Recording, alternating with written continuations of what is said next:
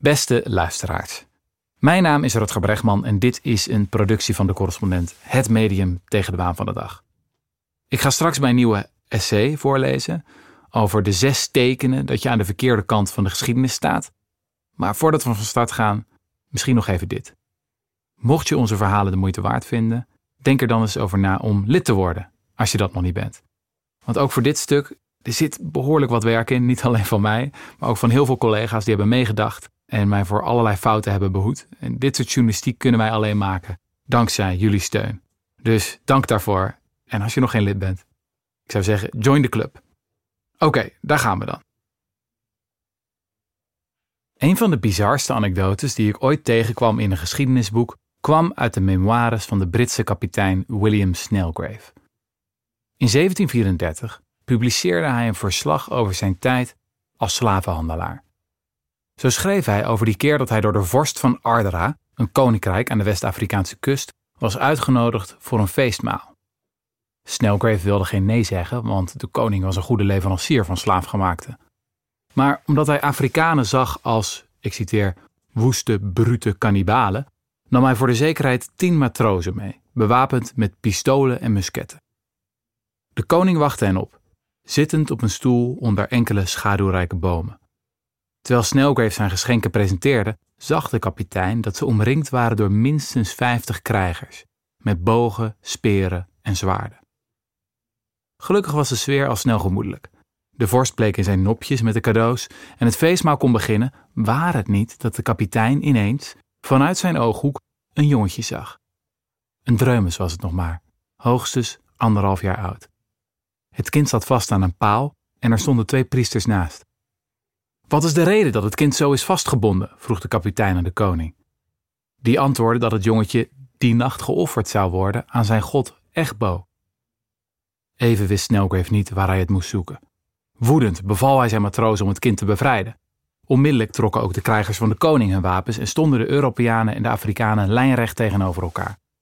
De koning riep dat Snelgrave het jongetje niet zomaar kon afpakken, want het was zijn bezit. Snelgrave brieste dat zijn geloof, ik citeer, expliciet verbood om zoiets gruwelijks te doen als het doden van een arm en onschuldig kind. Had de vorst van Ardra nooit gehoord van de gulden regel, die grote wet van de menselijke natuur? Wist de majesteit niet dat je anderen moet behandelen zoals je zelf ook behandeld wil worden? De ruzie werd eenvoudig opgelost. Kapitein Snelgrave kocht het jongetje voor zes blauwe kralen en de rest van het samenzijn verliep in opperbeste stemming. De mannen zetten het op een zuipen en sloegen liters palmwijn achterover. Op de terugweg vroeg Snelgrave aan een van zijn matrozen of hij een moederlijke vrouw wist die voor de dreumes kon zorgen. Jazeker, zei de matroos. De dag ervoor hadden ze nog een vrouw gekocht met, ik citeer, veel melk in haar borsten. Zodra ze weer aan boord kwamen van hun slavenschip, stoof een zwarte vrouw op het jongetje af, met grote gretigheid en trok hem uit de armen van de witte man die hem vasthield. Wat bleek? Het was de vrouw aan wie de matroos al had gedacht. Sterker nog, zij was de moeder van het kind. Zo ontvouwde zich een aangrijpend tafereel. Ik denk, schreef kapitein Snelgrave in zijn memoires, dat er nooit een ontroerender gezicht was dan bij deze gelegenheid tussen moeder en haar kleine zoon. De kapitein kreeg een applaus van alle Afrikanen en er werd een lied aangeheven ter ere van zijn heldendaad. Niet veel later voer Snelgrave naar de Caraïbe, waar hij moeder en zoon verkocht samen met zijn 300 andere gevangenen. Wanneer sta je aan de goede kant van de geschiedenis? Het is verleidelijk om te geloven dat wij, moderne mensen, wel goed zitten. We offeren geen peuters meer en verkopen geen slaafgemaakte. We verbranden geen heksen en hebben al tijden geen misdadiger gevierendeeld. Vrouwen hebben stemrecht, het homohuwelijk is gelegaliseerd en in sommige steden rijdt zelfs een dierenambulance rond. Wie is er beschaafder dan wij? Het opmerkelijke is dat iedere beschaving in de hele wereldgeschiedenis zo over zichzelf dacht. Neem de oude Romeinen. Zij vonden zichzelf buitengewoon fatsoenlijk omdat ze, in tegenstelling tot barbaarse stammen, geen kinderen offerden aan de goden. Maar het doden van ongewenste baby's? Dat vonden ze prima. Het voeren van naakte gevangenen aan hongerige leeuwen in het Colosseum achten ze ook geen probleem, want dat was leuk entertainment in het pauzeprogramma. Het verleden wemelt van gewoontes waar we nu van walgen. Ooit was het martelen en wurgen van sodomieten, homoseksuelen, de normaalste zaak van de wereld. Nog maar kort geleden werd gezellig gepicnict tijdens het lynchen van een zwarte misdadiger. Een Amerikaanse krant schreef in 1930 over een lynchpartij in North Carolina. Hele families kwamen samen, moeders en vaders, die zelfs hun jongste kinderen meebrachten. Als zoveel mensen zo blind waren voor zulke misdaden, dan roept dat de vraag op: hoe zullen historici ooit op ons terugkijken? Zou het kunnen dat ook wij blind zijn voor het kwaad dat we nu aanrichten? Het zou wel heel erg toevallig zijn als we de eerste beschaving vormen, ooit, die het allemaal voor elkaar heeft. Is de kans niet veel groter dat we nog steeds aan de verkeerde kant van de geschiedenis staan? De grote uitdaging is, natuurlijk, om erachter te komen wat we nu nog fout doen. Dat lijkt misschien onbegonnen werk. Niemand heeft een tijdmachine en we kunnen onmogelijk in het hoofd kijken van onze achterkleinkinderen. Toch denk ik dat er minstens zes alarmsignalen zijn waar we op kunnen letten. In de eerste plaats, als iets verkeerd blijkt, hebben we de argumenten doorgaans al veel eerder gehoord. Het is niet dat een stelletje activisten aan het einde van de 18e eeuw ineens, voor het eerst in de geschiedenis, bedacht dat er misschien wel eens iets mis kon zijn met de slavernij. Die geluiden klonken al eeuwen, maar waren nooit uitgegroeid tot een beweging. De tweede alarmbel gaat af als mensen hun gewoontes niet echt verdedigen, maar dingen zeggen als: Het is altijd zo gegaan, dat is nu eenmaal de menselijke natuur, of we kunnen niet anders. De psycholoog Melanie Joy spreekt ook wel van de drie N's. Misdaden worden vergoeilijkt door ze normaal, natuurlijk en noodzakelijk te noemen. Slavenhouders als William Snellgrave deden precies hetzelfde. De slavernij bestond sinds mensenheugenis, zeiden ze. Sommige mensen waren van nature slaaf, en als je de slavernij verbood, dan zou de economie instorten. De derde alarmbel rinkelt als mensen wegduiken voor onprettige feiten. Wie een bloemetje koopt, denkt liever niet aan een uitgebreide arbeidsmigrant. Wie een goedkoop t-shirt aanschaft, denkt liever niet aan een sweatshop in Bangladesh. En wie naar Ibiza vliegt, denkt liever niet aan de stijgende zeespiegel, brandende oerbossen en miljoenen klimaatvluchtelingen. Steeds blijkt dat er twee vormen van niet weten zijn. Je kunt oprecht geen idee hebben van wat er speelt, maar je kunt ook strategisch onwetend zijn. In dat laatste geval weet je genoeg om te weten dat je niet meer wilt weten. En ja, dan is het nogal irritant als iemand je herinnert aan de ongemakkelijke waarheid. Zie hier het vierde alarmsignaal. De boze reacties die morele pioniers oproepen. Keer op keer worden zij verfoeid, veracht en vervolgd. Neem iemand als Mary Wollstonecraft, de moeder van het feminisme. In 1792 publiceerde zij een revolutionair pleidooi voor de gelijkheid van man en vrouw. A Vindication of the Rights of Women. Een prominent filosoof van de Universiteit van Cambridge pende direct een reactie onder de titel A Vindication of the Rights of Brutes, waarin hij zich sarcastisch afvroeg of honden, katten en paarden dan ook gelijke rechten verdienden. Wollstonecraft werd besmeurd in gedichten en schotschriften en afgeserveerd als maniak en hyena in petticoats. Het zou een eeuw duren voordat haar naam was gezuiverd en twee eeuwen voordat er een standbeeld voor haar werd opgericht. Of, zoals een Amerikaanse journalist eens opmerkte, de maatschappij eert haar levende conformisten en haar dode onruststokers. Een vijfde alarmbel gaat af als we moeite hebben om een gewoonte uit te leggen aan onze kinderen. Juist omdat ze nog niet volwassen zijn, hebben kinderen een uniek talent om onze hypocrisie bloot te leggen. We leren ons kroost bijvoorbeeld dat je eerlijk moet delen, maar mogen vervolgens ook vertellen waarom wij in overvloed leven terwijl kinderen in arme landen honger lijden. Naarmate we ouder worden, leren we leven met zulke contradicties. Maar voor veel kinderen zijn ze nog verwarrend. Een eeuw geleden moesten ouders in het zuiden van de Verenigde Staten uitleggen waarom er zoiets bestond als rassenscheiding en waarom witte kinderen dus niet met zwarte kinderen mochten spelen. In de memoires van de Amerikaanse vakbondsleider Harry Mitchell lezen we over zijn kindertijd in Tennessee en die keer dat hij zijn moeder vroeg of zijn vriendje Johnny mocht logeren. Hij schreef: We konden allebei niet begrijpen waarom we niet bij elkaar konden slapen. Harry's moeder probeerde haar zoon wijs te maken dat er niet genoeg plek was in huis, waarop Harry riep: Ik heb zat ruimte in mijn bed. Tot slot loont het om jezelf de vraag te stellen: wat zullen de historici van de toekomst als onze grootste misdaad zien? Natuurlijk kan niemand de toekomst voorspellen, maar als je de geschiedenis van de afgelopen eeuwen bestudeert, zie je wel een opvallend patroon van morele vooruitgang.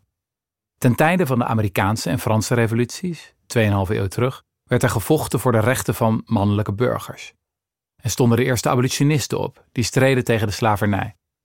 Vervolgens kwam de vrouwenbeweging en begon de campagne tegen kinderarbeid, terwijl ook de vakbonden groeiden. Toen het algemeen stemrecht was verwezenlijkt, volgde de tweede feministische golf, die weer uitmondde in de emancipatiestrijd van homo's en lesbiennes. Steeds leek het een logisch voor te vloeien uit het ander. In 1981 schreef de filosoof Peter Singer een boek met de titel The Expanding Circle. Hij zag dat onze morele kring steeds groter is geworden. In de loop van de geschiedenis zijn we de gulden regel, behandel anderen zoals je zelf ook behandeld wil worden, op steeds meer mensen toe gaan passen. En wie begint met het vergroten van de morele kring, krijgt al snel de vraag waarom je niet verder zou gaan. Kan het toevallig zijn dat veel van de eerste feministen ook abolitionisten waren? En dat veel van de eerste homoactivisten ook actief waren in de vrouwenbeweging? Trek een lijn door de vooruitgang van de afgelopen eeuwen en misschien kun je wel voorspellen wat de volgende stap moet zijn. Als je het antwoord al weet, dan is dat het zesde alarmsignaal. Dus als ik de alarmsignalen nog even opsom, dit zijn de zes tekenen dat een gewoonte misdadig kan zijn. 1. We hebben al lang gehoord wat er mis mee is. 2. We zeggen dat het nu eenmaal zo gaat. 3. We duiken weg voor de ongemakkelijke feiten. 4. We maken de tegenstanders belachelijk. 5. We vinden het lastig om de gewoonte uit te leggen aan onze kinderen. En 6. We vermoeden dat toekomstige generaties het barbaars zullen vinden. Laten we dan nu, met deze zes alarmsignalen in het achterhoofd, onze beschaving onder de loep nemen. Welke gewoontes van nu zouden wel eens misdadig kunnen zijn? Het is niet moeilijk om op voorbeelden te komen. Is het geoorloofd om miljarden uit te geven aan kleding, cosmetica en vakanties, terwijl 47 miljoen kinderen lijden aan acute ondervoeding? Zou het kunnen dat we ooit heel anders kijken naar het straffen van criminelen en vergelding als een barbaars motief zullen beschouwen? Is het oké voor te lezen uit vrolijke boekjes over de dieren van de kinderboerderij, terwijl de gemiddelde Nederlander jaarlijks 40 kilo aan dieren uit de bio-industrie verorbert? De manier waarop we omgaan met dieren is misschien wel het beste voorbeeld van een gewoonte waarbij alle alarmbellen afgaan. Laten we de checklist maar eens aflopen. Het eerste alarmsignaal is dat de argumenten tegen het uitbuiten van dieren al eeuwig klinken. Compassie voor dieren speelt een centrale rol in het boeddhisme en het hindoeïsme en ook in de westerse geschiedenis vinden we heel wat vegetariërs. Van Pythagoras tot Tolstoy, van Mary Shelley tot Leonardo da Vinci. Verzet tegen de bio-industrie is er ook al jaren. De moderne dierenrechtenbeweging kwam op in de jaren 60, kort nadat de eerste legbatterijen en megastallen waren gebouwd. Sindsdien is de schaal waarop dieren worden uitgebuit alleen maar gegroeid. Inmiddels worden er ieder jaar 80 miljard dieren geslacht. Ter vergelijking, het aantal mensen dat in de afgelopen 200.000 jaar heeft geleefd, wordt in totaal geschat op 117 miljard. Ja, er zijn nog altijd boeren die hun dieren houden zoals vroeger, met varkens in de modder en kalfjes in de wei, maar zij vormen de uitzondering. De moderne boerderij is een dierenfabriek, die enorme hoeveelheden goedkoop vlees moet produceren. Miljarden koeien, varkens, schapen en kippen worden doorgefokt om zo snel mogelijk te groeien, opgesloten in kleine hokken en volgepompt met antibiotica om net lang genoeg te overleven. Deze industriële veeteelt wordt stevast verdedigd met, het tweede alarmsignaal, de drie N's. Het zou normaal zijn omdat iedereen eraan meedoet, natuurlijk omdat mensen nu eenmaal vleeseters zijn en noodzakelijk omdat we zonder vlees niet aan onze eiwitten zouden komen. Het derde alarmsignaal klinkt al even luid en duidelijk, want sommige dingen over de moderne veehouderij willen we liever niet weten.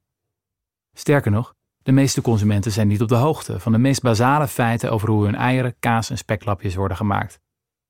In een recente studie lieten onderzoekers een foto zien van een doorsnee kippenstal, waarna ze respondenten vroegen: Zou u hier een kip van willen kopen? kwart zijn nee. Een Brits onderzoek wees uit dat de overgrote meerderheid niet weet dat alle mannelijke kuikentjes, die geen eieren leggen, meteen worden vergast of versnipperd. Uit de Nederlandse studie bleek dat slechts 18% van de ondervraagden weet dat kalfjes kort na hun geboorte worden weggehaald bij hun moeder. Bijna de helft weet niet eens dat een koe alleen melk geeft als ze is bevallen van een kalf, en dat koeien dus steeds opnieuw zwanger moeten worden gemaakt om melk te blijven geven. Dat we onze kop in het zand steken voor de simpelste feiten verklaart misschien ook de vreemde resultaten uit andere peilingen. Zo bleek in een onderzoek uit 2017 dat bijna de helft van de Amerikanen een verbod wil op slachthuizen voor dieren. Andere wetenschappers konden dat resultaat niet geloven en voerden de peiling nog eens uit met de vervolgvraag: Wist u dat in slachthuizen vee wordt gedood en verwerkt tot vlees, zodat u zonder slachthuizen geen vlees zou kunnen eten? driekwart hield voet bij stuk. In Nederland zien we hetzelfde patroon. Uit onderzoek van Kieskompas bleek dat maar liefst 60% een verbod wil op de bio-industrie. Maar toch eet 93% van de Nederlanders nog vlees. Ik koop alleen goed vlees, zeggen we dan. Maar de meeste mensen lijken niet te weten, of niet te willen weten, dat vrijwel al hun vlees uit de bio-industrie komt. Wellicht dat er daarom ook zo agressief wordt gereageerd op dierenactivisten. Het vierde alarmsignaal. De geliefde televisiekok Anthony Bourdain schreef eens dat vegetariërs de vijand zijn van al het goede en fatsoenlijke in de menselijke geest en noemde veganisten een Hezbollah-achtige splintergroepering. Een Canadese studie uit 2015 wees uit dat alleen drugsverslaafden meer afkeer oproepen dan veganisten. De grap is dat veel kinderen, alarmsignaal 5, geloven dat ze al veganist zijn. In een recente studie bleek dat 5 tot 7-jarigen nogal eens denken dat hotdogs en bacon van planten worden gemaakt. De meeste jonge kinderen vinden het vanzelfsprekend dat je geen varkens en kippen mag eten en honden en poezen trouwens ook niet. Kinderen kennen dieren dan ook een veel hogere morele status toe dan volwassenen doen. Je kunt zeggen: ach ja, dat grut heeft nog veel te leren. Maar waarom vinden ouders het dan zo lastig om eerlijk te vertellen waar het vlees vandaan komt? Waarom lezen ze voor uit kinderboekjes over vrolijke boerderijdieren, terwijl die dieren in het echt een ellendig leven hebben in de vee-industrie? Ouders geven vage antwoorden als kinderen vragen hoe vlees wordt gemaakt, zo blijkt het onderzoek. En als eindelijk doordringt dat het plakje ham op hun bord is afgesneden van een dood varken, precies zo'n dier als die vrolijke Peppa Pig op televisie, dan zijn kinderen vaak geschokt. Tot slot loont het om uit te zoomen. Dan blijkt dat de kinderlijke wijsheid van vandaag wel eens de volwassen waarheid van morgen kan worden. Na de bewegingen voor de rechten van burgers, vrouwen, kinderen en homo's lijkt het opkomen voor de rechten van dieren immers de logische vervolgstap. Veel van de eerste strijders tegen de slavernij waren al vegetariër. Toen de vader van het abolitionisme, Anthony Benezee, eens werd gevraagd of hij een stukje kip wilde, zei hij: Wat? Wil je dat ik mijn buren opeet? De beroemde abolitionist William Wilberforce was de oprichter van de eerste dierenrechtenorganisatie ter wereld en de abolitionist en vroege feminist Elizabeth Hayrick redde ooit een stier van een stierengevecht door het beest te verstoppen en te wachten tot de woeste menigte voorbij was getrokken.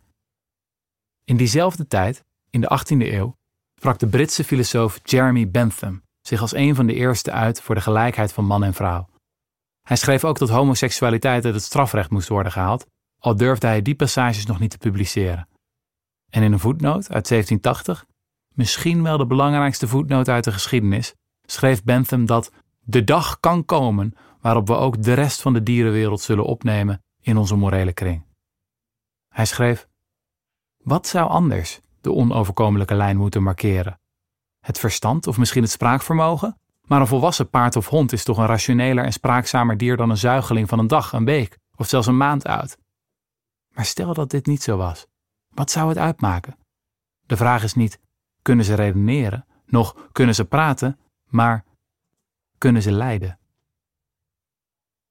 Wie tegenwoordig het verhaal leest van kapitein Snelgrave, zou wel eens moedeloos kunnen worden.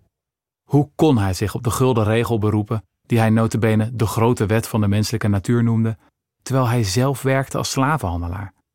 Als iemand zo blind kon zijn voor zijn eigen verdorvenheid, is de kans dan niet groot dat wij ook nog fout zitten?